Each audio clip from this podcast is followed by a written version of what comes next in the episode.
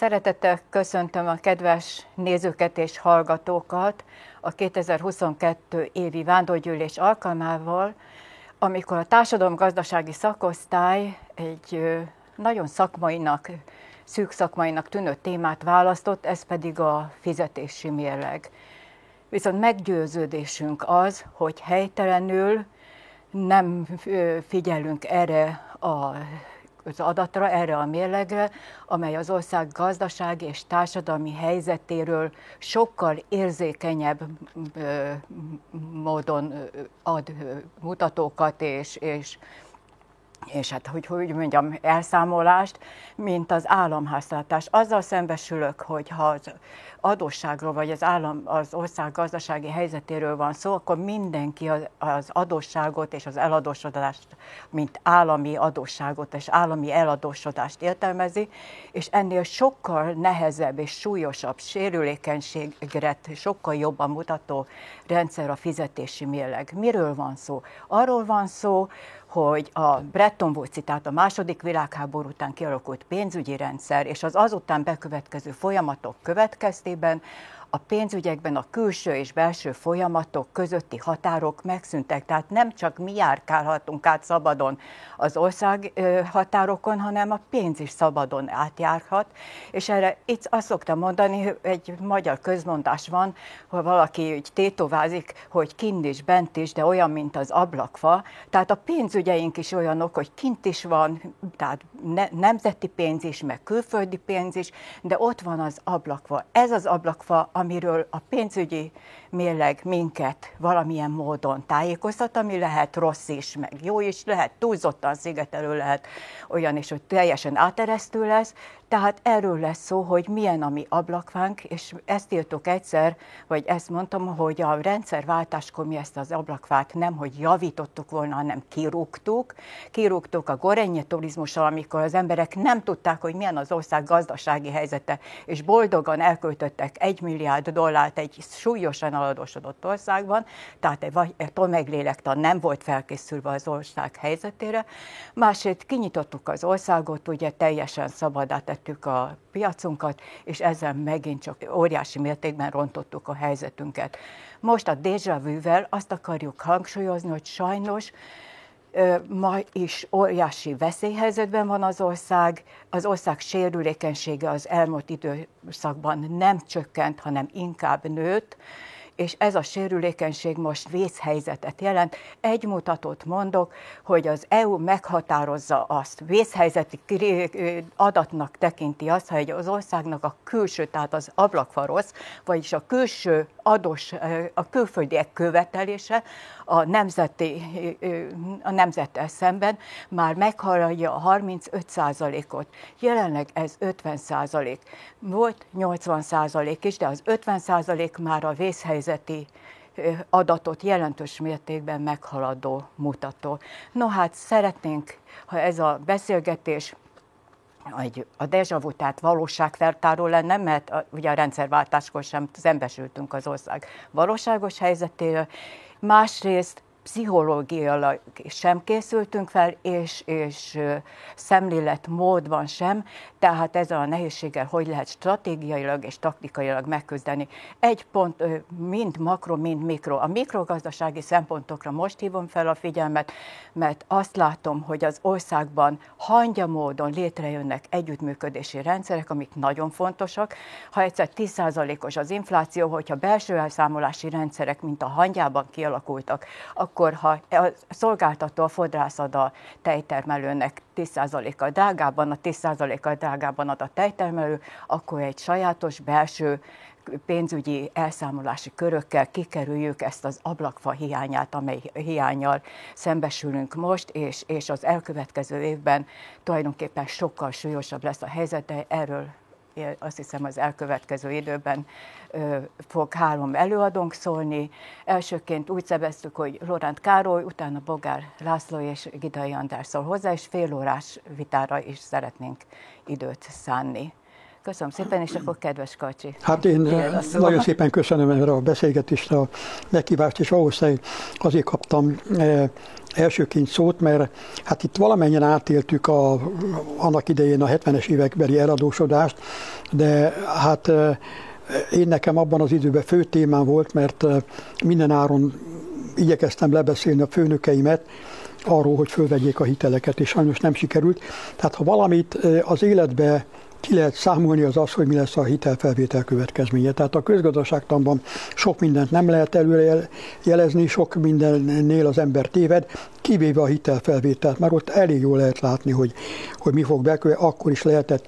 De messzebbről kezdeni, tehát Magyarországnak az eladósodási tendenciája az visszanyúlik egészen addig az ideig, amíg a első világháború után ugye az osztrák-magyar monarchiából a Csonka Magyarország kiszakadt, és akkor ugye az akkori vezetésnek, politikai vezetésnek, gazdasági vezetésnek szembe kellett nézni abba, hogy az ország elvesztette a nyersanyag forrásainak nagy részét, nagyon sok probléma volt.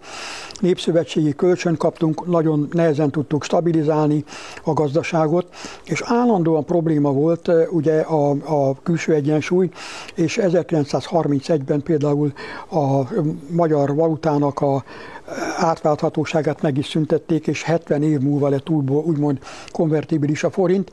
Tehát ekkor is szembe kellett nézni. A második világháború után megint kezdődött előre ugyanaz, és hát én ilyen Hát írtam erről az időszakról, mondjuk már a második világháború utáni időszakot azt jobban át tudom tekinteni, mert valamikor itt terhivatali munkatársként a régebbi anyagok azok a kezembe kerültek, tehát a terhivatali régebbi 50-es évek, tehát a első 5 éves terv és hasonló dolgok, meg az összes kritikája, és hát innen már azt kell mondanom, hogy szinte a saját élmény.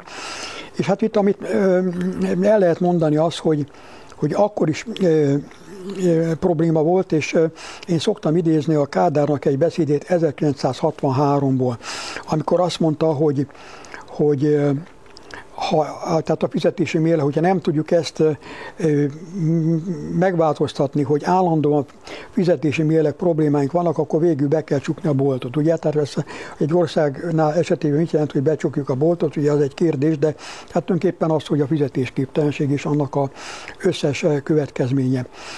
Még talán annyit, hogy előtte, ezt meg szoktam említeni, mert úgy érzem, hogy azért illik, hogy elég sok segítséget kaptunk Kínától, mikor bajba voltunk. Tehát például 56-ban is, hogy a forradalom után kaptunk vagy 200 millió dollár, de még korábban is kaptunk, oroszoktól is kaptunk valamit, tehát időről idővel kisegítettek.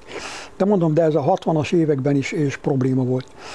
Na most utána jött a kőolajárobbanás. Na most, hogy mi történt pontosan, sajnos a mai történetírás az ö, ö, nagy részt nem tudja, hogy igazából hogy mit, tehát olvasom a, a általam átélt időszaknak a ról írt történészi munkákat, és valahogy én egészen másképp éltem meg azt az időszakot, mint ahogy ez, ez a történelemkönyvekben, vagy a mostani történelmi visszaemlékezésekben le van írva, amivel mondjuk, tehát egy részét, amit szeretnék kiemelni ebből, hogy hogyan következett be a 70-es években az eladósodás, és méghozzá azért szeretném ezt kiemelni, mert a mostan majdnem ugyanolyan a helyzet, mint akkor volt.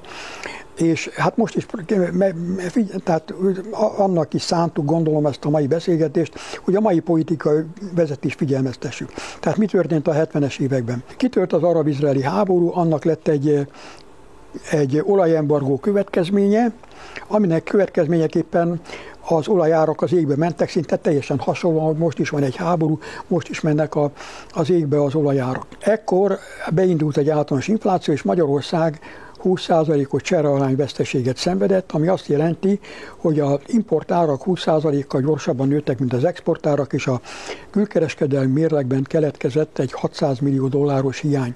És akkor elkezdődött a vita, tehát ezt már közelről szemléltem, hogy most akkor Stogyela, megnéztem egyébként ezt, hogy Lenin mit is mondott, annak idén Stogyela azt mondta.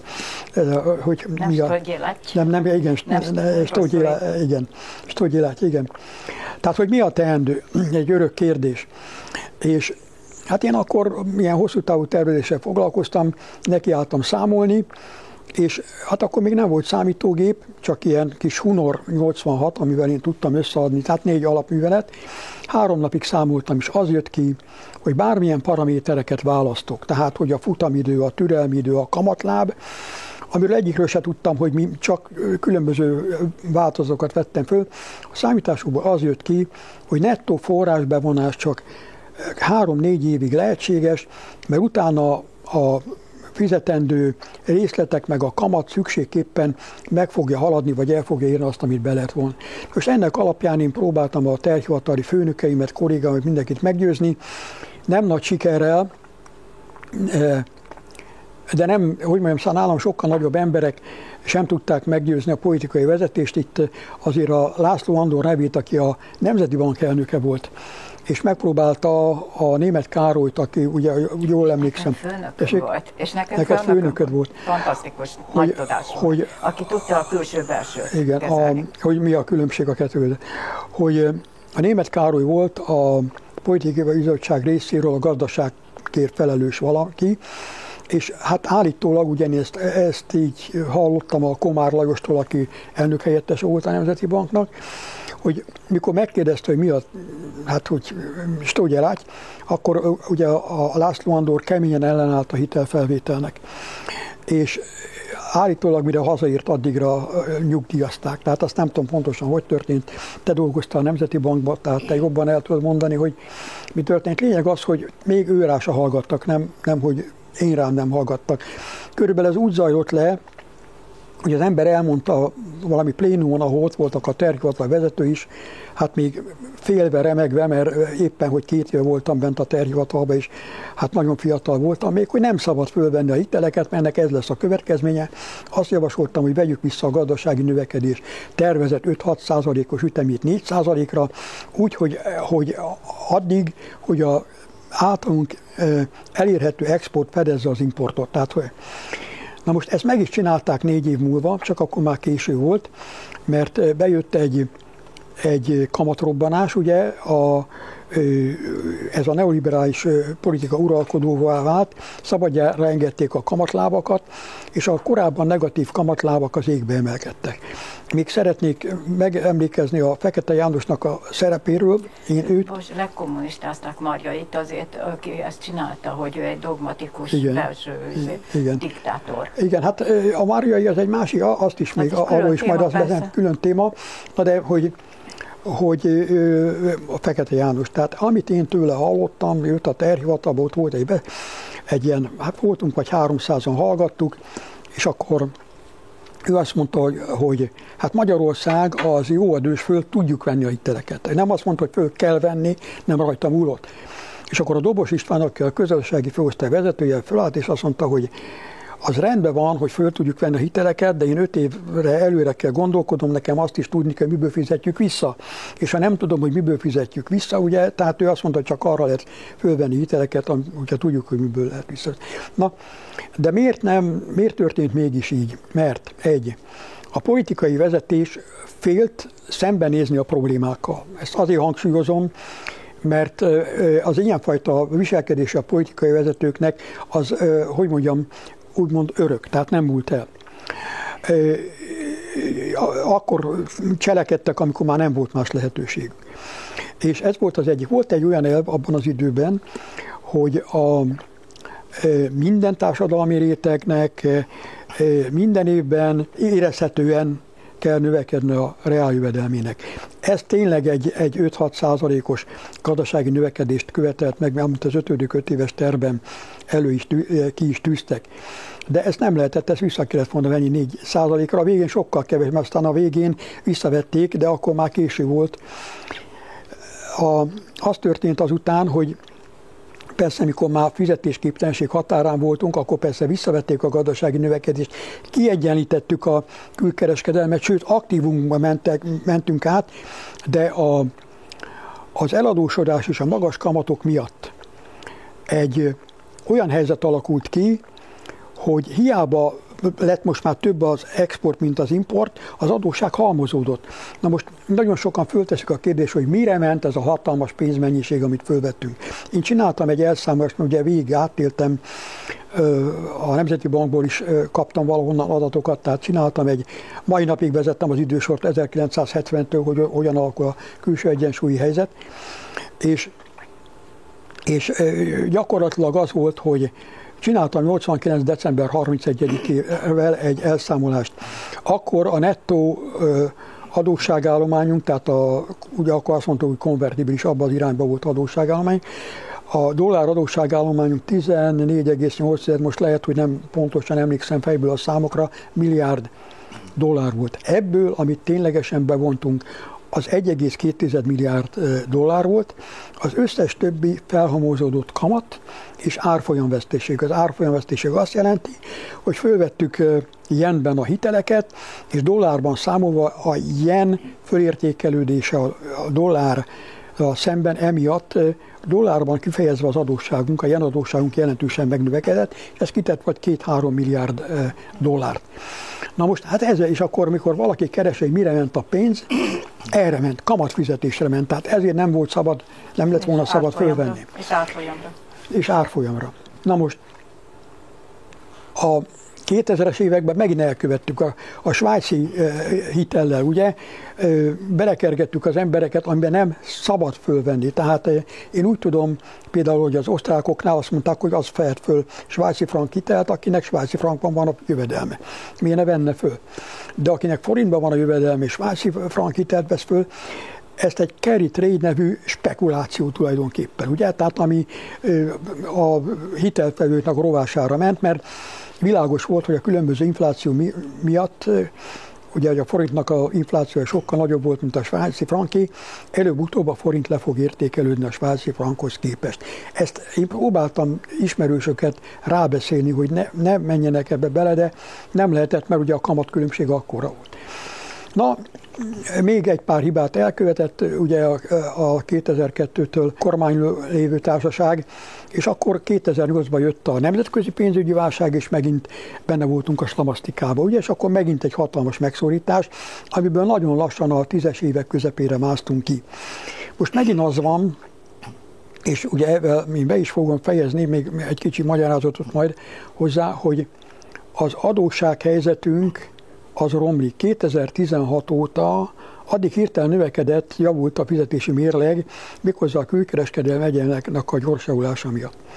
Utána a mai napig kb. 10 milliárd euróval romlott, és átment mínuszba. Na most, ami, ha a fizetési mérleg mínusz, akkor azt valamilyen formában föl kell venni, tehát az vagy bejön egy oldalú átutalások esetleg az Európai Unióból, vagy pedig hiteleket kell fölvenni mindenképpen, tehát hogyha ezt nem ingyen kapjuk, akkor az mindenképpen egy, egyfajta eladósodás jelent.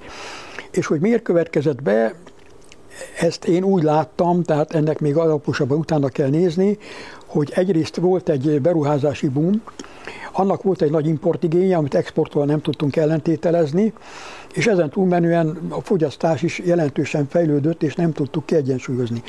Na most én egy régi terhivatali főnökre szeretnék meg ebben a pillanatban még visszaemlékezni a Drecsin Jóskára. Hát József volt a becsületes neve, de nekünk csak Drecsin Jóska volt.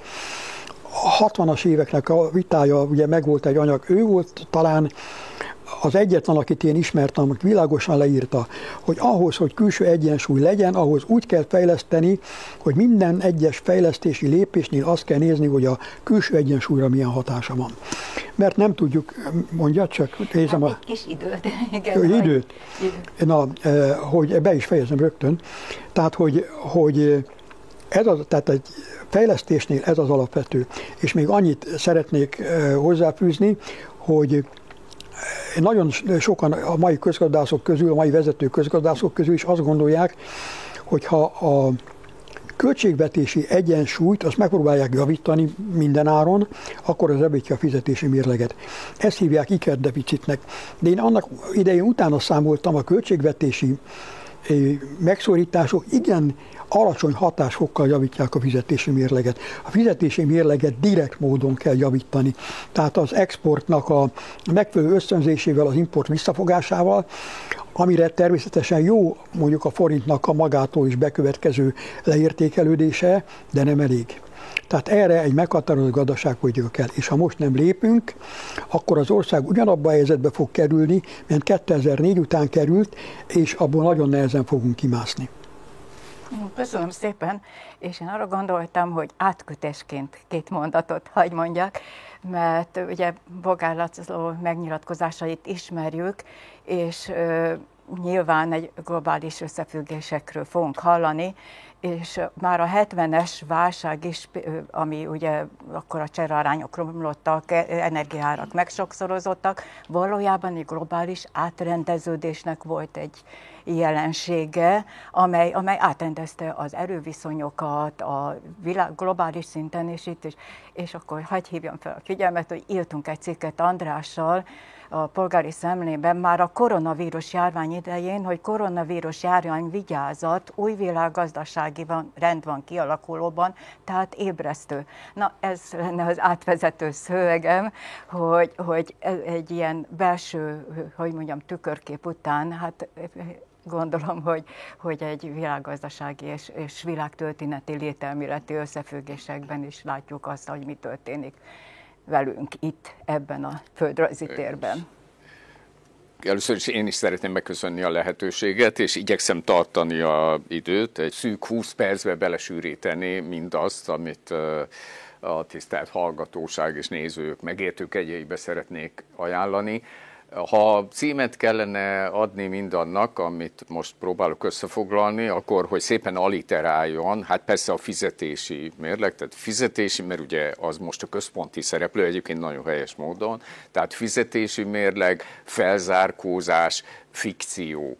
Ugye a magyar köznyelben a fikció egy kicsit negatív, belátom, kicsit pirulok is emiatt, ugye kicsit negatív konnotációja van, de azért gondoljunk csak arra, hogy science fiction, ugye, tehát a, a fikció valójában egy semleges kifejezés, mondjuk az angolban mindenféleképpen, az azt jelenti, hogy egy kitalált történet, és nem kell azon szégyenkezni, hogy az elmúlt száz évben Magyarország ugye a Trianon óta lezajló időszakban, most már több mint száz évben, az, hogy a magyarság újra és újra szeretné kitalálni önmagát, azt a jövőjét, ami valahogy visszasegíti azokra a trendekre, amelyekbe azt megelőzően volt, ebben semmi szégyelni való nincs, de azzal viszont szembesülni kell, hogy a jövő soha nincs teljesen a birtokunkban. A jövő egy olyan sajátos valami, ami van is, meg nincs is. Azt bizonyosan tudjuk, legalábbis reméljük, hogy van, One. De lesz ennek következtében. Ma még nem tudhatunk biztosat róla, viszont ahhoz, hogy ez a jövő valamennyire a birtokunkban legyen, minél pontosabban és alaposabban kell elemezni azt, ami most van, mert ami ma van, az fogja meghatározni, azok a lehetőségek fogják meghatározni azt, hogy mi fog történni. Teljesen érthető, hogy az elmúlt évszázad során a magyarság számára a felzárkózás, ez úgy általában is igaz, mondjuk a köztes Európa ország, országaira, tehát erre a térségre, a történészek egy része nem Közép-Európának, hanem köztes Európának mondja ezt a mindenkori két nagy keleti meg nyugati birodalom közé szorult térséget, amely értelemszerűen a leggazdagabb nyugati régiókhoz akar felzárkózni.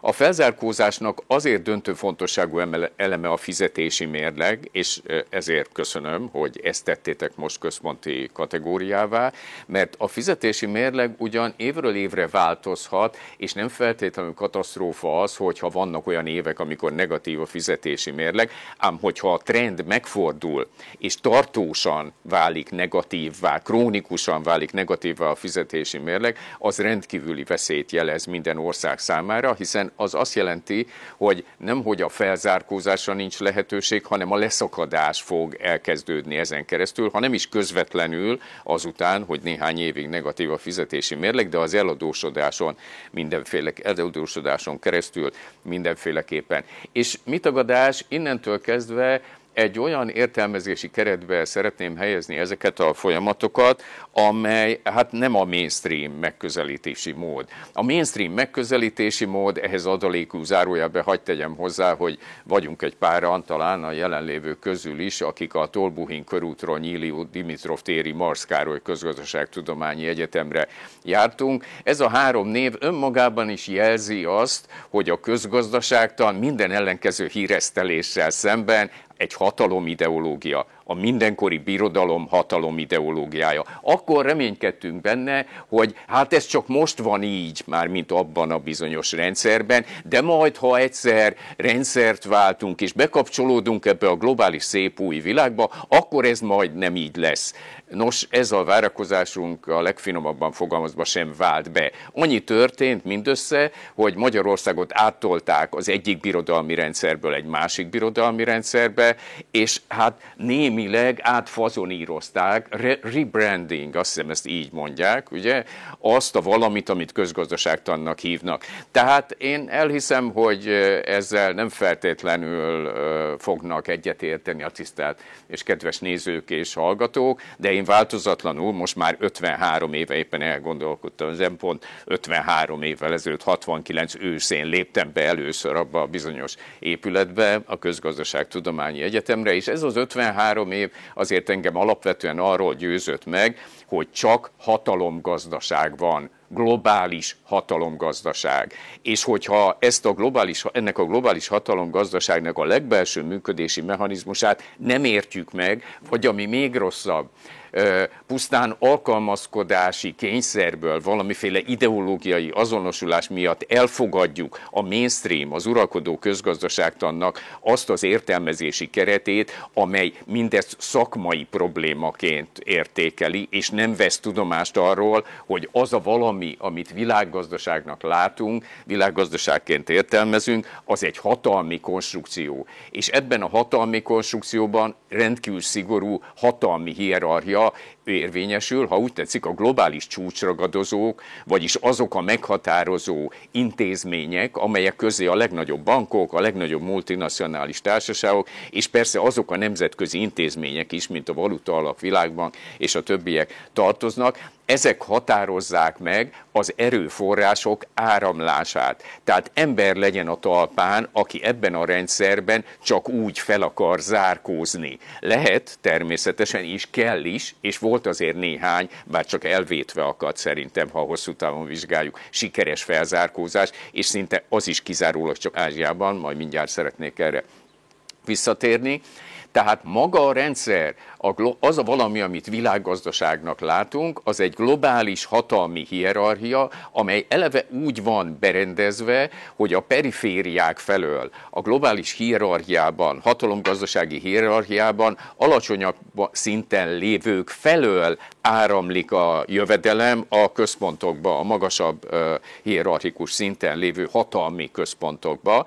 Ennek következtében, akárhogy is szépítjük, aki fel akar zárkózni, annak legelőször is azzal kell számot vetni, hogy meg fogja sérteni ennek a globális hatalomgazdaságnak a belső működési mechanizmus konfliktusba fog kerülni ezzel a rendszerrel. Aki úgy gondolja, vagy úgy véli, jó szándékúan persze, hogy konfliktusmentesen is véghez lehet vinni ezt a felzárkózást, az valószínű téved.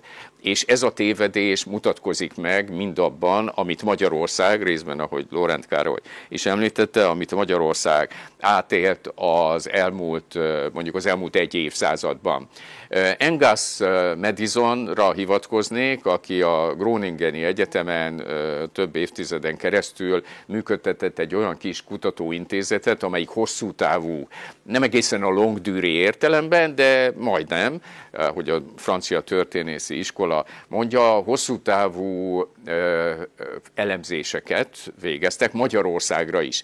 És ebből a következő derült ki, az elmúlt évszázad során, egészen pontosan 1913-tól napjainkig, négy-öt olyan időpont volt, amikor a legközelebb kerültünk a mindenkori leggazdagabb nyugat-európai országok mondjuk átlagos, fajlagos mutatóihoz, tehát például mondjuk az egyfőre eső GDP-hez, és ezek a következők, nagyon elgondolkodtató ezek a dátumok, 1913, ezt követően 1938, majd 1973-75 közötti időszak, ezt követően csak 2002-ben, 2003-ban közelítünk mindehez, és 2018, és most megint minden teljesen bizonytalan, hiszen a Covid, meg a háború hosszú időre nagy valószínűséggel megint visszalök minket. Ez körülbelül azt jelenti tehát, hogy az elmúlt 105 év során számos felzárkózási kísérletünk volt, de ezeket a felzárkózási kísérleteket a globális hatalomgazdaságban bekövetkező drámák mindig megakasztották, tehát, és mindig visszalöktek minket. Ezek a drámák első világháború, második világháború, hidegháború valamilyen értelemben, kvázi harmadik világháborús pusztításként a rendszerváltásnak nevezett megint csak globális átrendeződés, és tudom, ezt kivezetne a képből, nem is megyek bele, de azért zárójelbe hagyj egyezzem meg, hogy az utóbbi idők fejleményei, a Covid, vagy kezdeném a migrációval, a migráció, a Covid, a klíma probléma és annak végzetesen téves értelmezése a Lóránt Károly, ez itt a reklám helye, felhívnám a figyelmét legújabb könyvére, amelyben elemzi ennek a rendkívül, rendkívül súlyos következményeit, már mint ennek a hamis értelmezési keretbe helyezett, hamis narratívákra épülő klíma problémának a rendkívül negatív következményeit. Tehát csak az elmúlt 6-8 év során volt legalább három vagy négy, akkor még egyszer felsorolva, tehát a migráció, a klíma, a Covid és most ez a háború, amelyeknek a hatása rendkívül negatív és pusztító minden olyan lokális társadalomba, amely ebben a globális hatalomgazdasági rendszerben felzárkózni szeretne, és talán nem zárható ki annak a lehetősége, hogy ezek csinálva vannak. Angolul ezt manufactured-nek, azt hiszem Noam Chomsky honosította meg, nagyon frappáns, szellemes kifejezés, manufacture, tehát Igen. ezt én magyarban úgy fordítanám le szándékos, Ez a passzív megfog... szándékos magyartalansággal, hogy csinálva Nem. van, Igen. hogy valami csinálva, csinálva van, de belátom, ez innentől kezdve a leg tragikusabb összeesküvés elméletnek minősül, ezért még mielőtt ezt a gondolatmenetet megnyitnám, mindjárt gyorsan be is zárom. Szeretnék azért legalább a mainstreamség látszatát fenntartani, most már egyébként is nagyon kevés időm maradt hátra. Tehát Engels Madison hosszú távú elemzései mindenféleképpen azt jelzi, hogy ahogy Magyarországot is, egyébként a térség minden országát, szóval tévedés ne essék, és ez a fikció része, hogy rendszeresen felhorgadnak bennünk a vágyak, ez nagyon helyes, hogy felzárkózzunk, rendszeresen tele vagyunk optimizmussal, ez is nagyon helyes, derülátással, hogy ez sikerül is, és aztán újra és újra azzal kell szembesülnünk, hogy ezek a csinált történések mégiscsak visszalöknek minket nagyjából ugyanabba a pozícióba. Sajnos azzal kell szembesülni, hogy Európán belül az elmúlt évszázadban szinte semmilyen felzárkózás nem ment végbe, sem a közép-európai, tehát ebben a köztes európai térségben. Nagyjából a hierarchiája ezeknek az országoknak a térségen belül is ugyanaz, száz évvel ezelőtt is mondjuk a Szlovénia, Csehország, eh, Kelet-Németország, Poroszországnak megfelelő része ennek a térségnek volt úgymond a legfejlettebb, és nyilván mondjuk Bulgária meg Románia volt a legalacsonyabb, szinte ma sincs másféleképpen. Tehát Európában eh, látszólag egyetlen sikeres felzárkózási kísérlet volt, vagy talán kettő, az egyik a skandináv országoké, ez viszonylag megalapozott, hiszen gondoljunk arra, hogy 1938-ban mondjuk Finnország vagy Írország is messze mögöttünk volt a fajlagos rangsorban, ez többé-kevésbé sikeresnek látszik. A déliek felzárkózásáról azonban most derül ki, hogy milyen brutális szemfényvesztés.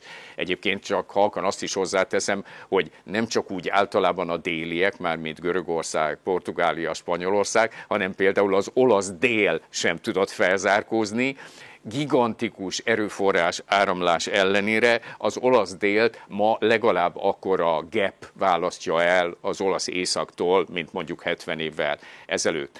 az egyetlen, és akkor még erre talán marad idő, a világban az egyetlen igazán sikeres felzárkózási kísérlet az Ázsia.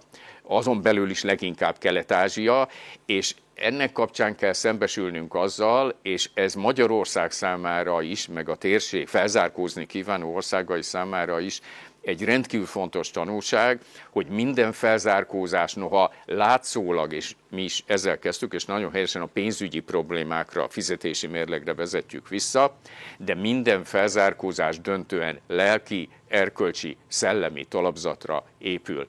Ezt egyébként az a nagyon egyszerű összefüggés is, ugye bölcsészeknek tanítok 20 éve, közgazdaságtant hihetetlen kihívás, eh, azzal szoktam ábrázolni, hogy a világ leganyagibb dolga a pénz, a világ legszellemibb dolga meg a hit.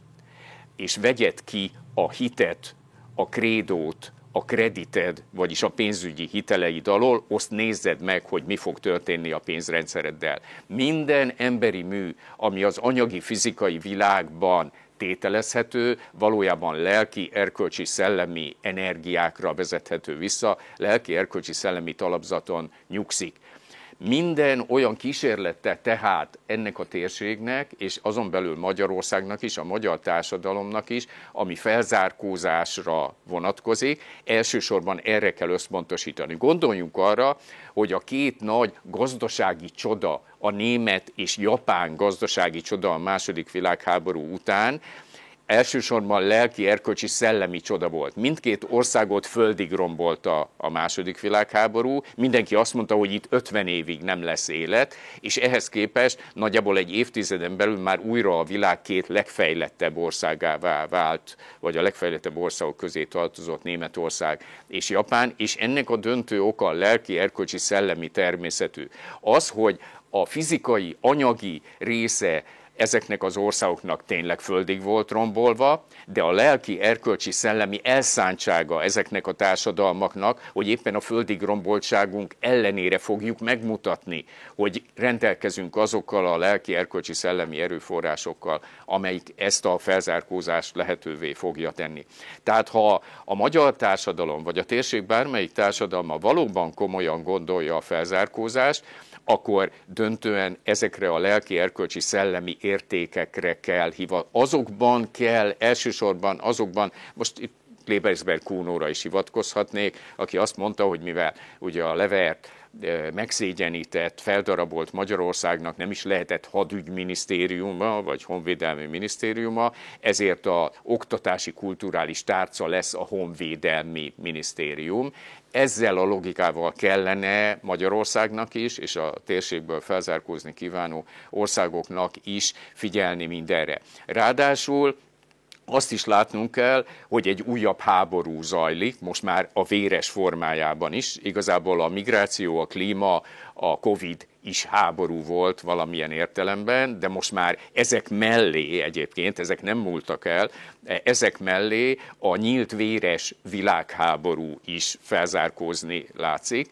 Ennek következtében, ha egy ország egyáltalán meg akar maradni ma Európában, és pláne, ha valóban komolyan gondolja azt, hogy ez az újabb kataklizma kanyarban, lásd ugye Matolcsi elnök úr szellemes hasonlata, hogy kanyarban előzni, ami életveszélyes és rendkívül kockázatos, de ha bejön, akkor elképesztő előnyökhöz juttathatja az adott országot. Valóban a magyar társadalomnak azzal kell számot vetni, hogyha valóban fel akar zárkózni, ha meg akarja akadályozni ezt, hogy a fizetési mérlegének most már krónikus és életveszélyes romlása, amit a bekövetkező háború csak tovább ront értelemszerűen, ez logikailag nem lehet másféleképpen. Tehát ha ebből a végzetes csapdából ki akar szabadulni, akkor alapvetően a lelki, erkölcsi, szellemi erőforrásait kell gyarapítani. Mire is volna szükség? Három döntő fontosságú erényre tudásra, tehát, hogy nagyon világosan lássuk azt, hogy hogyan is működik ez a globális hatalomgazdaság, és ennek pénzügyi hi, hidraulikája, mert itt egy pénzügyi, pénzügyi szivattyúk, ha úgy tetszik, pénzhatalmi szivattyúk működnek. Az előbb hivatkoztatok arra nagyon helyesen, hogy pénzfegyverekkel, árfolyam és kamatfegyverekkel értékel azt, hogy mindössze mondjuk alig több mint egy milliárd dollárt vontunk be, és ebből az egy milliárdból pillanatok alatt 15 milliárd lett még a nettó adóság valóságban is. Tehát átfogó tudás kell arról, hogy hogyan is működik ez a globális hatalomgazdaság. Kell bátorság, mert aki fel akar zárkózni, az kíméletlenül szembe fog kerülni ezzel a globális hatalomgazdasággal, és kell a bátorság ahhoz, hogy ezekben a konfliktusokban helyt tudjunk állni. Mindjárt azt is hozzátenném, de majd azt inkább a végére, hogy kell a teljes társadalmi összefogás ennek érdekében, hiszen az a kormányzati rendszer, amelyik ezekre a konfliktusokra vállalkozik, annak szilárd talapzatot kell a lába alatt tudni, és a háta mögött egy összetartó, egy kohézióra épülő országot, és végül a harmadik, de talán a legdöntőbb, hogy legyen becsületes kitartása az adott országnak. Ne legyen semmi kétségünk afelől, hogy a globális hatalom gazdaság urai, ahogy az angol mondja, stick and carrot, carrot mindent meg fognak tenni annak érdekében, hogy édesgetéssel vagy fenyegetéssel korumpálják az adott ország uralmi struktúráját, amelynek van tudása és van bátorsága végigvinni ezt a folyamatot. Tehát rendkívül veszélyes helyzetben van az egész térség, egész Európa és a magyar társadalom is, de valóban megvan az esélye annak, hogyha lelki, erkölcsi, szellemi készleteinkre összpontosítunk, és a tudás, bátorság, becsület fogja alapvetően meghatározni a magyar társadalom mentalitását mindezekkel a kérdésekkel kapcsolatban, akkor ez a vészhelyzet most éppen ellenkezőleg nem egy mondjuk Mohács és Trianon után egy harmadik történelmi tragédiába fogja sodorni a magyar társadalmat, hanem esélyt ad arra, hogy először a történelmünkben egy ilyen kataklizmikus időszakba vigyünk végbe egy olyan felzárkózást, ami az elmúlt évszázad során egyetlen egy alkalommal sem sikerült. Köszönöm szépen. Hadd kössem össze a te utolsó mondatnak az utolsó részét az első részével, ez pedig először azt hangsúlyoztad, hogy az értelmezési tereink rendkívül fontosak. Na most ez az érte, ebben az értelmezési térben a azt én ö, azt hangsúlyoztam a bevezetőmben, hogy kialakítottunk tulajdonképpen egy, egy mestersége, egy nem jó ellentétpárt, egy rosszul fel, felállított ellentétpárt, hogy az állam szemben, az állampolgár az állammal áll szemben, holt egy, egy globális struktúra az, ami, amiben az állam legfeljebb négy éves cselekvési horizonttal valamit csinálhat, ha, ha, ha csinálni akar, akkor is rendkívül kicsik a, a cselekvési lehetőségei. És az értelmezési tereink szempontjából rendkívül fontos az, hogy megértsük azt, hogy az ország érzékenysége, sérülékenysége alapvetően tulajdonképpen a külső kapcsolatokon keresztül történik, ahol megszüntettük, tehát azt hiszük, hogy a forint, megszüntettük a határokat, nem látjuk, hogy kellenek határok a pénzügyekben, azt hiszi, ha a forintját költi, akkor, akkor minden rendben van, és ha ő forintban az adósságát rendezi, akkor minden rendben van. Tehát nem érzékeli azt, hogy tulajdonképpen minden forint költéssel gyakorlatilag, amikor élelmiszert vásárolunk, akkor devizat költünk, és létrejött egy, egy sajátos helyzet, hogy a Kádár rendszerben ezt az adatot Andrástól veszem, a Kádár rendszerben még élelmiszer többletkivitelből az energiabehozatal tudtuk finanszírozni. Most a polgár azt hiszi, hogy a, a forint az világpénz, tehát innentől kezdve mindegy, hogy a pénzemet hol költöm. De itt egy nagyon fontos mondat, hogy már ezt tudják az emberek, ezért beszéltem a mikroszintről, ahol a kosárközösségekben megfogalmazzák azt, hogy én fontos, hogy amikor költöm a pénzt és vásárolok a körülöttem lévő termelőtől, meg a magyar termékeket magyar termelőtől vásárolok, akkor rájött egyre, hogy a pénz költéssel finanszírozok, és nem mindegy, hogy én külföldön vagy belföldön költöm a pénzt, és akkor kössünk át a fizetési mérleghez újra, hogy, hogy mi ez a fikció, amely, a, amelyet lehetővé tesz, hogy mi nem tudjuk a valóságot. Tehát együtt élünk ezzel a hatalomgazdasággal, mediatizálva van a hatalomgazdaság, együtt működünk vele, mert a saját valóságunkkal nem szembesülünk. Miért nem? Talán erre valamilyen választ tudunk adni, ha még tovább boncolgatjuk a fizetési mérleg problémát. Én is nagyon szépen köszönöm a lehetőséget, hogy a vitán részt vehetek. A két másik előadóhoz képest én kis konkrét egy részterületre fogok rávilágítani, mégpedig az élelmiszerbiztonságot a devizahelyzettel kapcsolom össze. Ezt teszem azért, mert Magyarország az elmúlt 5-600 évben mindig is a kedvező élelmiszer termelési adottságai révén jelentős bevételre tett szert, és ebből finanszírozta a beruházásokat, a luxusfogyasztást, a, a fegyvervásárlást, a uralkodó rétegnek. Ez a gondolat egyébként nem csak magyar, Buharin és Preobrazsensky, amikor a oroszok, illetve szovjetek akartak, felzárkózni, az elvük az volt, hogy az élelmiszer kivitellel szereznek gépeket, és abból villamosítják Szovjetuniót, és, és fejlesztik az acélipartól kezdve hadipart, mindent. Én, én részt kezdem a munkámat, az, hogy kiszámoltunk a cikk, cikket, amit írtunk a Szegő Szilviával együtt, két évvel ezelőtt a polgári szemlébe, annak a hatását, hogy körülbelül mi lenne az eredmény. Az eredmény az, az 600 milliárd forintos értéknövekedés a belső piacon, alapvetően a minőségi termelés révén szabadtartású baromfi és mangalica, a bio és ökotermékek és a vendéglátásnak a minőségi alapanyaga révén adódna ez, mintegy 50 ezer munkahely, és remélhetőleg a deviza egyenlegnek a 2-3 milliárd eurós javulása. Na most ezt nem számoltuk végig, viszont abból indultunk ki, hogy mi volt a lengyel példa az elmúlt 18 évben. Lengyelország, amikor belépett az EU-ba, akkor kiharcolta magának, hogy ugyanolyan feltételei legyenek a földalapú támogatásnál, mint a nyugati államokban. Megyesi Péter erről lemondott, pedig megegyezett a lengyelekkel, hogy közösen ugyanezt akarják vinni, csak a lengyel delegáció hóvihar miatt később érkezett meg a dániai csúcsra. És ők az elmúlt kilenc évben, ő, ők nagyon erősen beforgatták ezt a jövedelmet a fejlesztésbe, mégpedig nem a mez, alapvetően mezőgazdaság, hanem az élelmiszeripar fejlesztésébe, és az elmúlt kilenc év alatt elérték, hogy 1 milliárd helyett 9-10 milliárd euró a, a nettó deviza többletük. Tehát ők alapvetően nullszaldósak voltak állat mezőgazdaságban, és nagyon jelentős pozitívumot értek el. Na most ezt a mi negyed akkorák vagyunk, ebből visszaszámolva mondom azt, hogy a egyébként meglevő pozitívumot, tehát fontos, most is két és fél három milliárd euró pozitívum mindig, de ez a pozitívum stagnál 15 éve, ezt a pozitívumot gyakorlatilag meg kéne duplázni. Na most megint a módszereknél is beletrafálok a közepébe, a tulajdon és birtokpolitikában jelentős változást mondanánk, ez más, mások felfordulásnak is mondhatják. Egyrészt a falvakat föltulajdonhoz juttatnánk, jelentős mennyi, mennyiségben és arányban.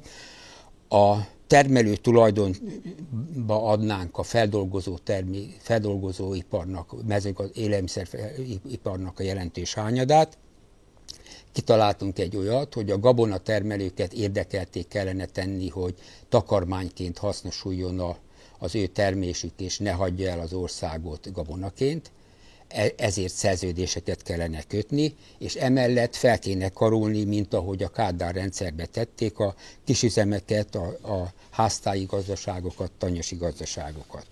Na most ehhez hozzá tartozik az, hogy hideg kapacitásként kellene kezelni az állattartásnak a bizonyos kapacitásait, mégpedig azért, mert úgy a baromfi tenyésztésben, mint a sertéstenyésztésben időről időre járványok jönnek végig, és a járvány alatt le kell vágni az állatokat, és akkor nincsen ellátás. Azért, hogy ellátás legyen, azért szabad, tartá, szabad kapacitásként meg kellene tartani azokat a hizlaldákat, és azokat a csirkenevelő ipari üzemeket, mert ezek ipari üzemek gyakorlatilag, hogy akkor hirtelen mégiscsak ellát, el tudjuk látni az országot, esetleg az exportra is, hát persze gyengébb minőségben.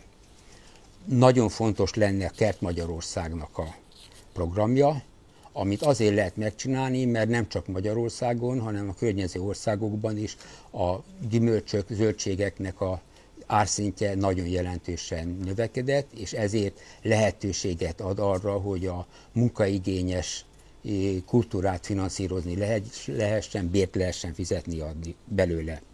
A faluban meg kellene szervezni az idénymunkákat, korán sem csak a falura hagyatkozva, hanem akár a katonaságra, akár a diákságra, akár még ne adj Isten az állami dolgozókra is, mint ahogy ez volt a Kádár rendszerben. Nem volt ez annyira rossz, hogy egy hétig dolgozni kellett.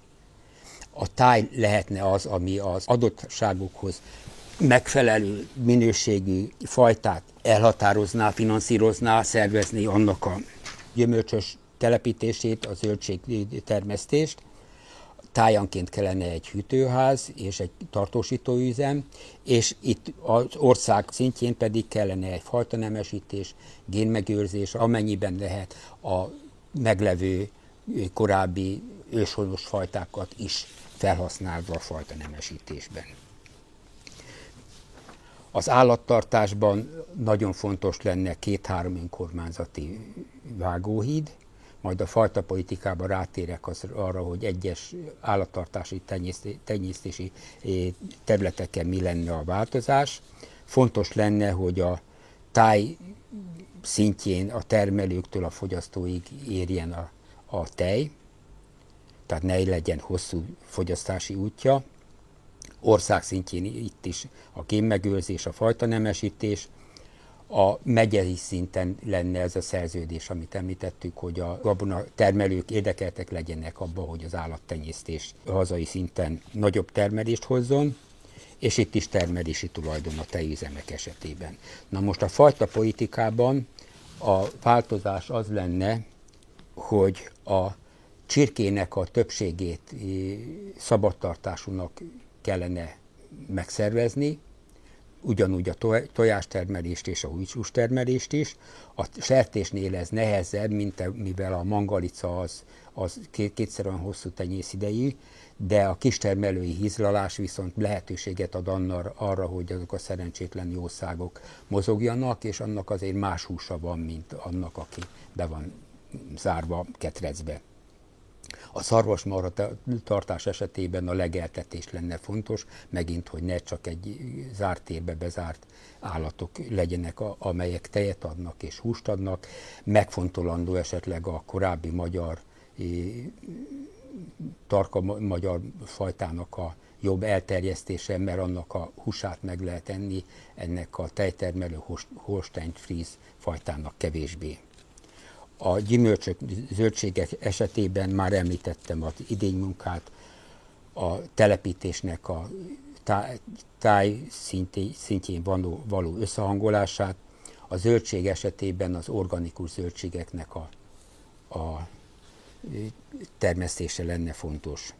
Na most azért, hogy ehhez piac is legyen, ezért elő kellene írni, szerintem boltok szintjére levive, hogy 15%-a organikus legyen értékben a forgalomnak, lehetőleg az organikus termékeknek a nagy hányada magyar legyen, jelenleg 85-90% import.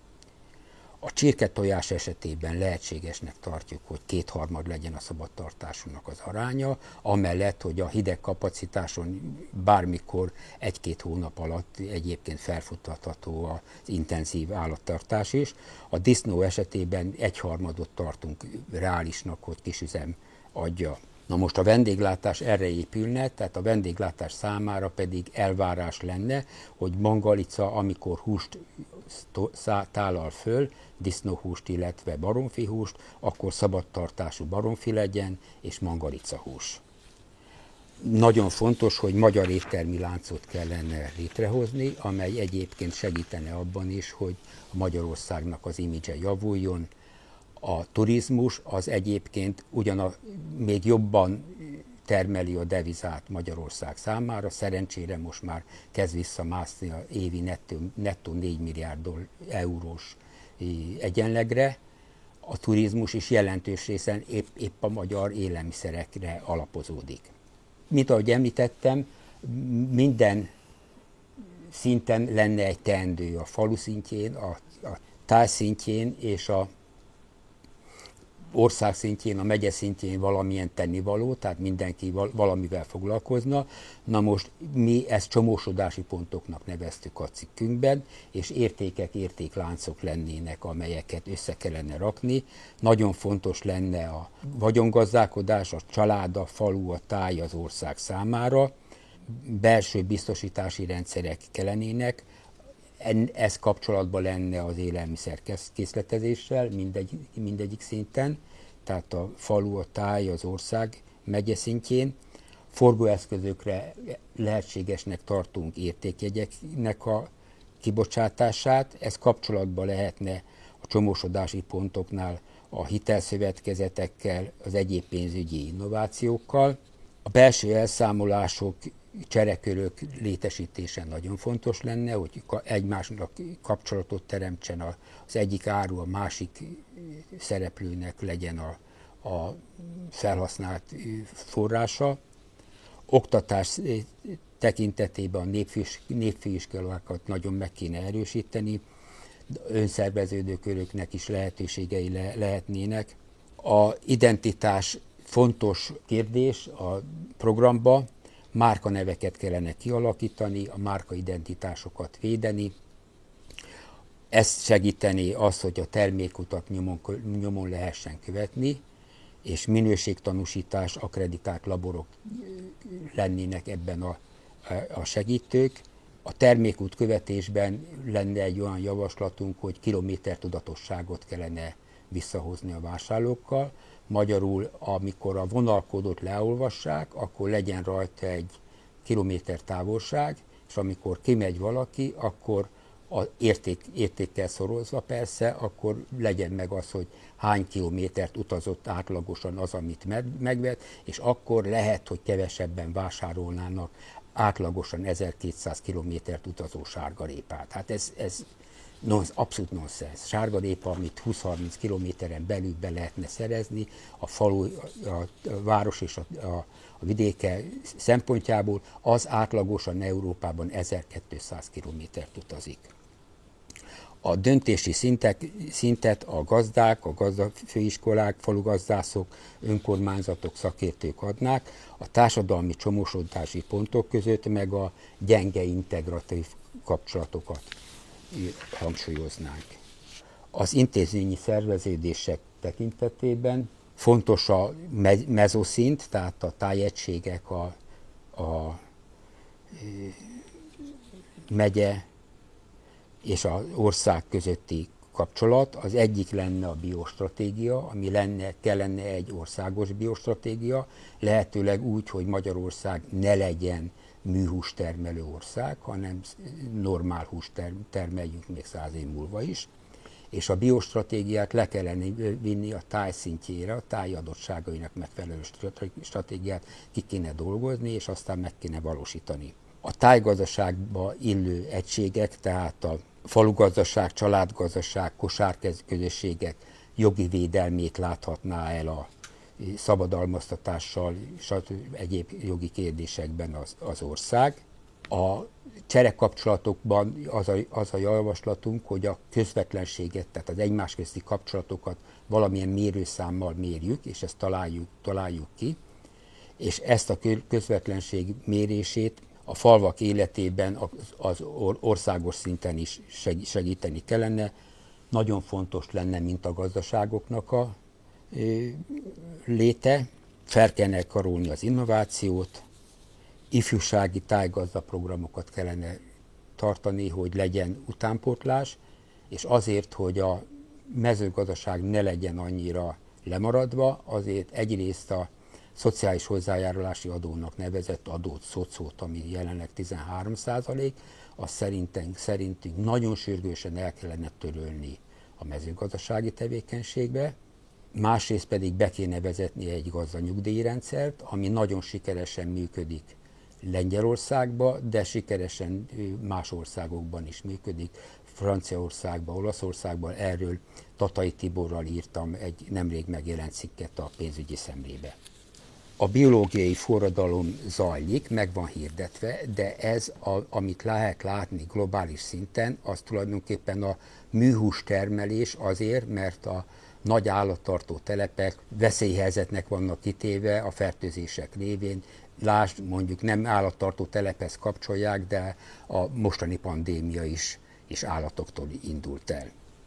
Most amit mi mondanánk, az a minőségi élelmiszergazdaság lenne, hogy a magyarok, magyar lakosságnak a, a életminősége jobb legyen, mert jobb minőségű termékeket eszik. Az élelmiszerbiztonságot gazdaság szuverenitásként kezelnénk, amit mindenki mondott a pandémia idején, hogy milyen jó, hogy Magyarország el tudja látni az országot, és nem vagyunk importra rászorulva, ami nem érkezik be a szállítás lehetetlensége miatt ilyen helyzetben. Eredet megőrzés kellene, tehát a magyar fajtákat gén, génpolitikával erősíteni, a mezőgazdasági kutatást azt 5-10-szeresére kellene pénzügyileg növelni azért, hogy új fajtákat és magyar fajták vagy kárpát-medencei fajták legyenek, amelyekhez egyébként a hátteret, tehát a, a vetőmagot, a növényvédőszereket, állat, állatvédőszereket mi gyártjuk és nem importáljuk magas költségért. A biodiverzitás megőrzése érdekében alulról szerveződő és a természettel együttműködő mezőgazdaság kellene a monokultúrás mezőgazdaság helyett. Mindez egyébként remélhetőleg szerintünk javítaná a devizatermelő pozíciót, 2-3 milliárd eurót tartunk lehetőségnek. Hogyha még maradt két percem, akkor még beszélnék konkrét adatokról, ami nem mezőgazdasági, nem élelmiszergazdasági. Ez pedig az, hogy a fizetési mérleg mellett nagyon fontos egyik, egyik oka a cserearány, amit az ábra mutatja, hogy Magyarországon az elmúlt 21 nehány évben most a legrosszabb a cserearány mutató, az idei első fél évben, azért mert a fél éves adat mínusz 6,2% lecsúszást jelent. Az idei első fél évhez képest, hogyha akár csak a nyári, nem a most őszelei gázárak maradnak, akkor még legalább egy 6-8 százalékos deviza cserearány romlás következik be éves szinten, és ebben nem, az, nem ebben Az évben. Ebben az évben. Következő évben. Következő évben. Tehát az, az idei évben, hogyha optimisták vagyunk, hogy a csak a mínusz 6 százalék első fél év lesz, aminél több lesz egyébként, akkor egy, az egész áll 89 százalékon, egész, egész 1992-höz, tehát 30 év alatt, és ehhez képest 10, akár 10%-os romlás is lehet. Na most a romlás az azt jelenti, hogy nem egy olyan áruról van szó jelen esetben alapvetően, ami, amit az egész nemzetközösségi fogyaszt, hanem egy olyan áruról, amit Európában nagyon magas szinten lehet, ár, magas árszinten lehet elérni. Csak példaként a rádióban négy napja hallottam, hogy amikor egy folyékony gázszállító terhajót megtöltenek, akkor 60 millió dollárt kell a palagázért amerikai, amerikai kikötőbe fizetni. Amikor ez a hajó megérkezik Európába, és ezt kipakolják, akkor 230 millió dollárt kapnak érte. Tehát magyarul a a folyékony gáznak a kereskedelme nagyon jelentős, de ez a gázkereskedelem 10, 20, 30, 35 éves szerződések alapján megy, és ezen szerződés alapján mondjuk, hogyha olajárhoz kötött, akkor a duplájára, háromszorosára fölmegy az ár, de nem megy fel a tízszeresére. Tehát Amerikában nem megy fel a tízszeresére, nem megy fel Kína számára, Japán, Korea számára, India számára csak Európa számára. Európa, na most és ez a fizmérleg viszont globális jelenség, ez a fizmérleg probléma Magyarországon nem csak magyar probléma, egész Európa negatív fizetési mérleg pozícióban lesz, hogyha egyébként így kezelik a gázár, gázár kérdést. Azt, hogy sikerül-e valahogy a EU szinten csökkenteni a gázárat, amit szándékoznak, az még egy kérdés. Hát jó lenne. Egyébként teljesen logikus, korábban voltak ilyen EU-n belüli viták, hogy akkor EU-nak kellene a gáz, gáz, gázbeszerzőnek lenni az oroszokkal szemben, mint, mint monopól pozícióval szemben. Amit még hozzátennék, hogyha van még egy, egy vagy másfél perc, hogy a fizetési mérleg mellett van egy másik mutató, amihez hozzájárul a tőkemérleg, és a tőkemérlegben van egy nagyon jelentős, volt az elmúlt 15 évben egy nagyon jelentős tétel, ez az EU transfer, nettó EU transfer, tehát amikor Magyarország picit negatív fizetési mérlegbe volt, mondjuk ez, ennek a nagysága 2-3 százalék volt, akkor azt az EU-ból bejövő forrás finanszírozta, és ezt külső finanszírozási képességnek tartják. Ennek van kettő mutatója, az egyik az alulról számított, amit a pénzügyi mutat, mutatókból vezetnek le, a másik pedig a felülről számított, amit pedig a fizetési mérlegből vezetnek le. A kettő között van egy van egy tévedések végjátéka, ami a GDP-nek Magyarországon a másfél százaléka, más országokban év, van, amikor ez 8-10 százalék is, tehát Magyarország ilyen téren viszonylag konszolidáltnak tekintető. Köszönöm a figyelmet. Hát tulajdonképpen akkor most kezdődik a kerekasztal beszélgetésünknek az a része, amikor vitatkozhatunk egymással, vagy folytathatjuk az előző gondolatmenetünket, amit ugye időben hát természetesen korlátosan lehetett végigvinni. Én most megint átvezetésként tulajdonképpen azt szeretném hangsúlyozni, hogy amit az András ismertetett, aznak a lényege tulajdonképpen az, hogy felkészülés arra, hogy ne gondolkozzunk a mai struktúrában, ha vit, tehát fel kell ismerni, értelmezni kell, de azt látjuk ezekkel az ismét ismétlődésekkel, hogy tulajdonképpen minden javítással meglévő struktúrát rontottuk, hogyha megnézzük a világgazdaság egyensúlyi állapotát, ezen belül a pénzügyi egyensúlyt nem csak a miénk rossz, hát iszonyatos töbletekkel szemben iszonyatos eladósodottságok állnak, tehát hogy az egyensúly nem javult a válságok után, hanem romlott, tehát nem kiavította magát a rendszer, hanem rontotta magát a rendszer. Tehát egy ilyen rendszert meg kell érteni, de igazából mi ezzel a gondolkodásmóddal, amikor kiléptünk ebből a rendszerből, és azt mondtuk, hogy valószínűleg ez a rendszer önmagát is leépíti, tehát manufactured, de, de valóban részben leépül, mert nem folytatható. Tehát lehetett mondani a magyaroknak, hogy nekünk nem termelékeny a állattartás, a kisállattartás, tehát akkor legyen egy millió. Az angolok mondják, hogy 10 millió van, de semmi az, az amerikai, hát most nem tudom hány milliós állattartót, hatalmas, gigantikus állattartó telepethez képest, ami kiderült, hogy, hogy tulajdonképpen nem tovább vihető út, de a finansz világunkban sem tovább vihető, tehát látjuk, hogy naponta csak a zárfolyamok mozgásán akkora tőke mozog, hogy, hogy ez GDP, az USA GDP-hez hasonlatos, tehát ez nem működik így tovább, át alakul a rendszer, tehát önmagát is szerintem ez az én értelmezésem lebontja a rendszer, de hát nyilvánvalóan ilyenkor minden a pozíciókat kialakítják, és olyan értem, hogy merre a veszteségeket hogy osztják le, és hogy építik fel az új rendszert, én szerintem ez bizonyos értelme mi úgy sejtjük, hogy ez a biológia lesz. Szemben a negyedik ipari forradalom és a mennyiségekkel, meg a növelésével és a mobilitással szemben, ugye arról mondtál példát, hogy a répa az két-három ezer kilométert utazik,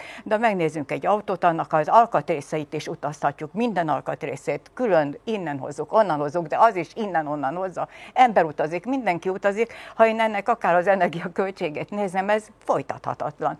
Tehát mi ezzel szemben a szemléletet visszavittük, hogy ez biológia, ebben adottságaink vannak, és visszamegy, a, kell, mi legalábbis elgondolhatjuk úgy, hogy a családot erősíteni kell, a falut erősíteni kell, a tájban épített, tájban gondolkozó, táj adottságok, annak az adottságával együttműködő ember gazdaságát erősíteni kell, és ebben a magyaroknak még a köszönhetően bizonyos értelemben, hogy vesztese volt a rendszerváltásnak, és ennek megfelelően a financi, financosításának, hogy már ugye a családok outsourcingban gondolkoznak, de a szegény család nem tud outsourcingban, hogy mindent, ugye a pénz a fontos, és, és, és otthon mindent vásárol, tehát otthoni tevék, az otthoni háztartás gazdaság az gyakorlatilag visszaszorult, a tájgazdaság visszaszorult. Tehát ezzel szemben azt mondtuk, hogy visszamegyünk a miniaturizálásába, és mint ahogy kiderült a, most, amikor ugye nagy földrengések vannak,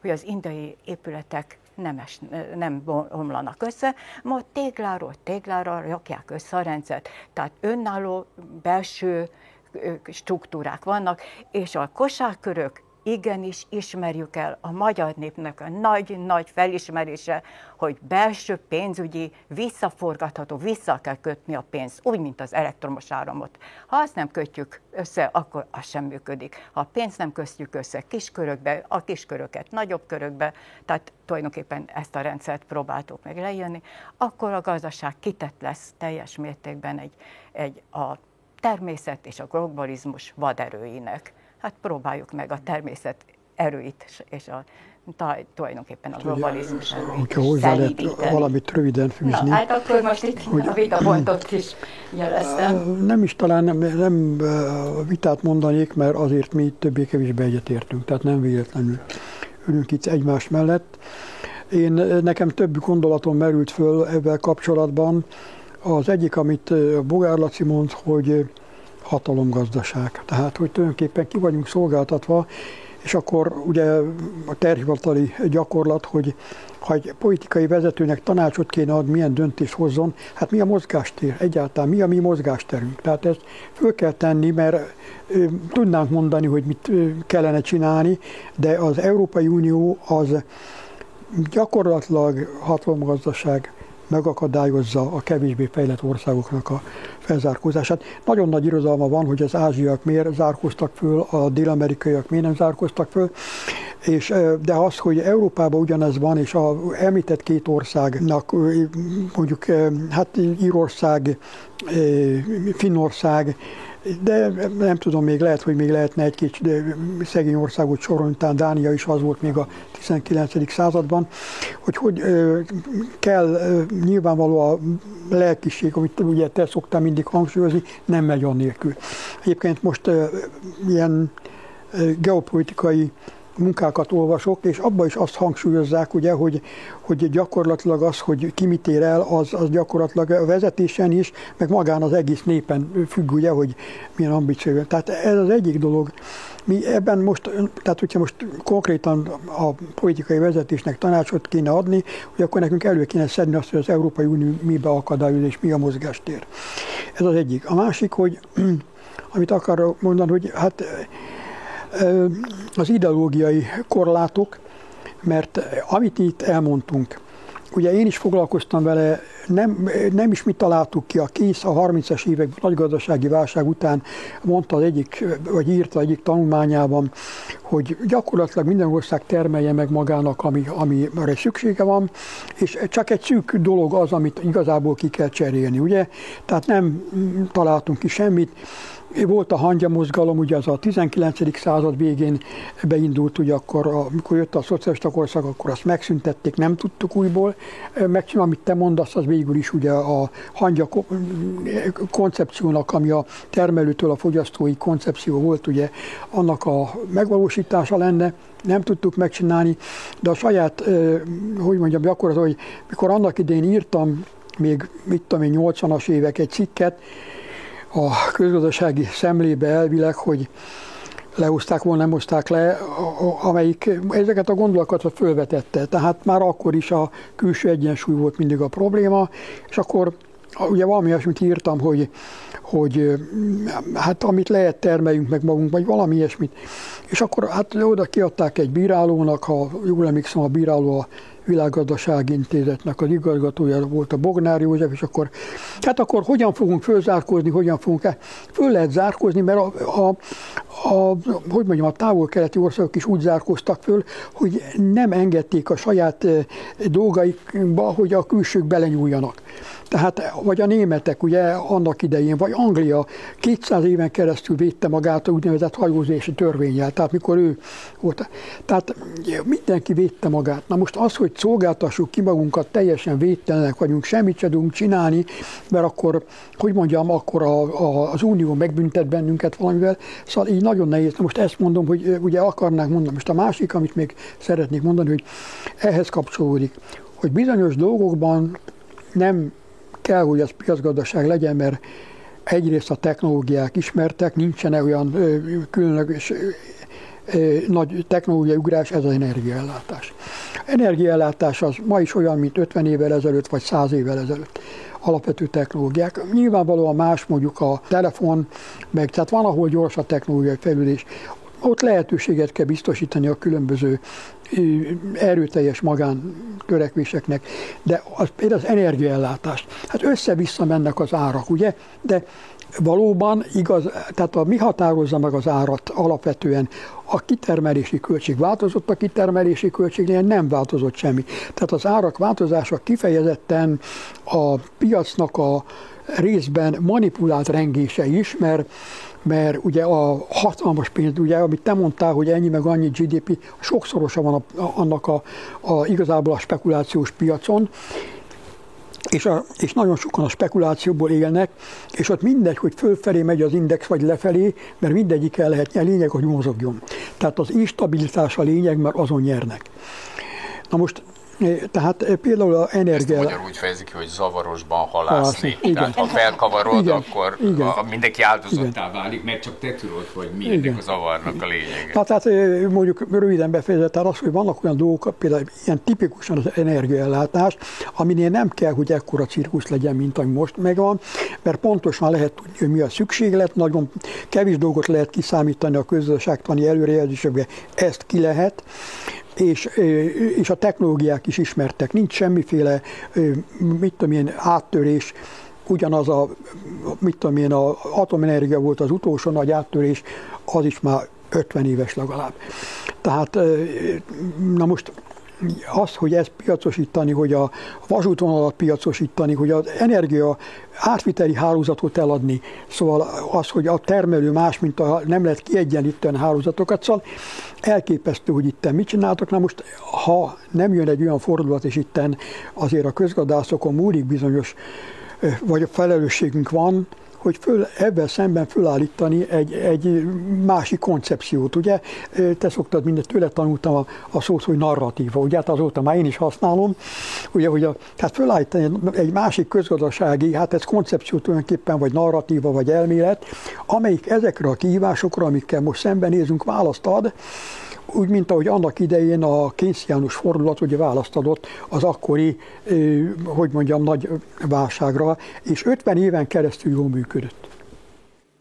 Én egy etimológiai mozzanatra szeretném felhívni a figyelmet, csak néhány percben, hogy a meghatározó nyelvekben, angolban, franciában, ugye ökonóm, de mi is mondjuk latinból, ugye, illetve hát inkább görög, majd mindjárt mondom, hogy ökonómia, ekonomi az angolban, illetve ekonomi a franciában.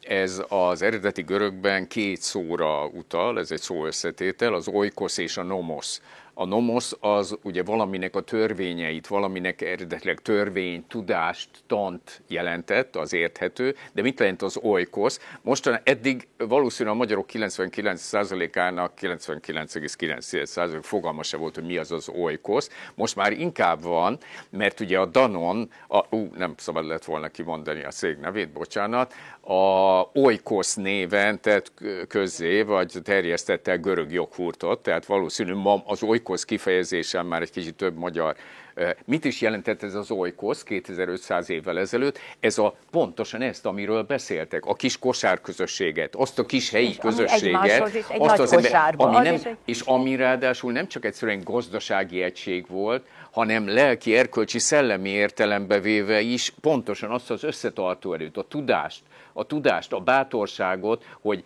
tehát tudás, hogy felismerjem azt, hogy milyen helyzetben vagyok, tehát mint kis közösség, hogy is illeszkedem a nagyobb egységbe, hogy van bátorságom, hogyha konfliktusba keveredek mindezzel, akkor azt, azt meg tudjam védeni magam, és hogy becsületesen ki is tartsak emellett. Tehát én még egyszer azt hangsúlyoznám, de szerencsére úgy érzem, hogy nincs közöttünk ebbe, hiszen a ti programotokban is ez van benne, hogy a lelki erkölcsi szellemi erőforrásoknak döntő szerepe van, mert ezt helyettünk más nem fogja se felismerni, se következetesen végigvinni. És én azt hiszem, ez a nagy tanulsága ennek, és mivel ez a háború most lerombolja a globális rendszert, ez most már teljesen egyértelmű, tehát a lokalizáció egy új hatalmas lehetőséget kap, hát akkor éljünk ezzel a lehetőséggel merjük vállalni, és ezt, amit mondtál, mert ez hiányzik.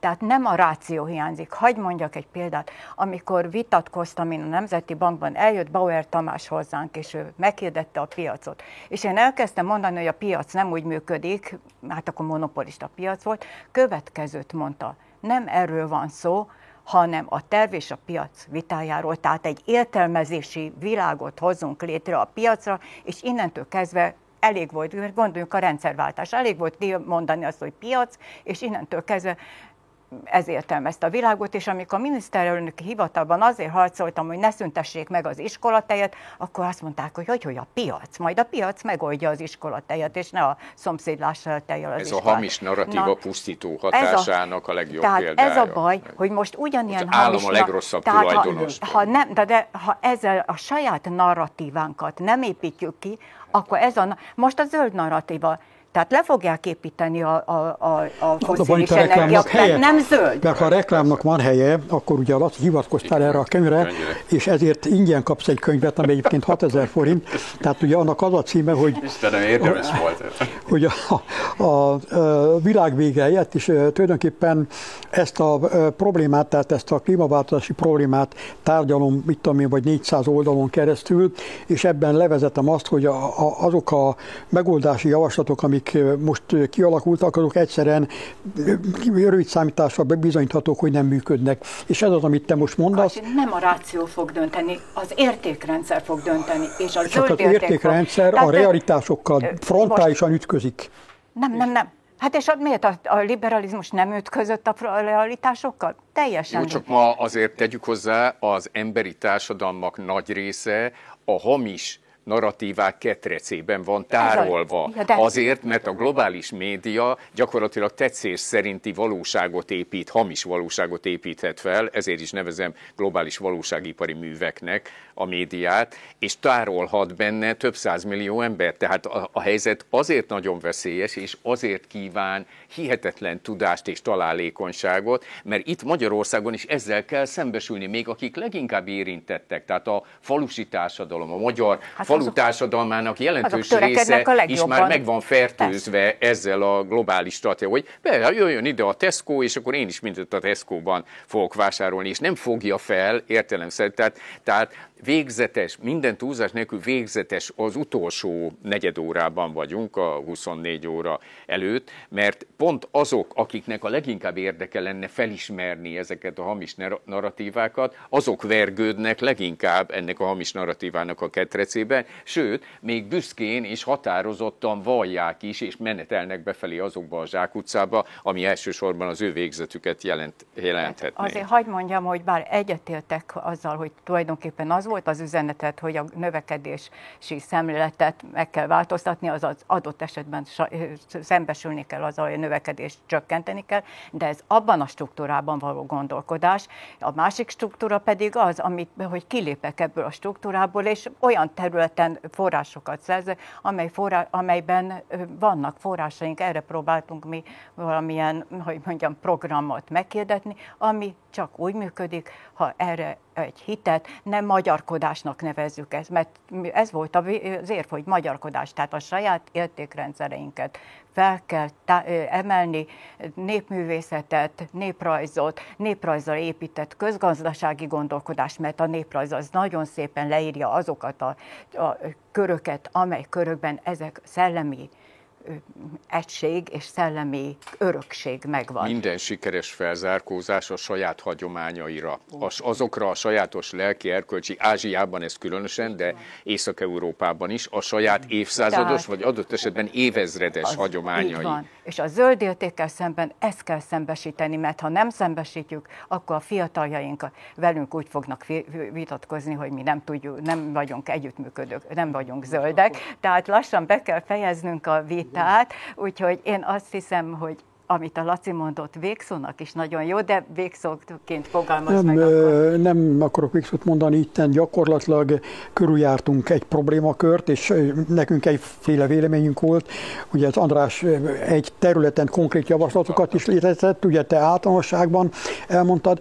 Na most ugye a kérdés az, hogy mi vagyunk-e annyira erősek, hogy ezt egy konzisztens módon megfogalmazzuk, mert a múltkor kiadott könyvünkben sok minden van, de az nagyon szerteágazó. Tehát Ez a 4K egy, könyv, amit mi, igen, az, ami civil szervezetünk le tudjuk, le tudjuk -e ezt, amit most itt vitatkoztunk száz oldalban úgy hozni, mondjuk, hogy ez széles körben mondjuk a közgazdasági és politikai közvélemény elé tesszük. Tehát abban a rendszerben, abban a rendszerben, ahogy te elmondtad azt, hogy mi a hatalomgazdaság, hogy, hogy egyáltalán, hogy, hogy tudjuk azt, hogy miben mozgunk, ugye, hogy mik a korlátok, mik a lehetőségek. Még annyit tennék hozzá, hogy, hogy a rövid távú az azonnali dolgok, mert ott be kell avatkozni, meg a hosszabb távú dolgok, ugye? Tehát ezeket meg, meg és akkor én avval búcsúznék a magam részéről, hogy ez ma mi feladatunk, és csináljuk meg. Hát köszönöm szépen, hogy lehetőségünk volt ezt a vitát a maguk előtt, hogy megszervezni, mondandónkat ütköztetni, és nagyon jó lenne, hogyha tudnánk találkozni civil fórumokon is, és ott önökkel is vitatkozhatnánk a rövid távon és a hosszú távon is, hosszú távú lehetőségeinken egyaránt. Köszönöm még egyszer a meghallgatásunkat és a részvételt.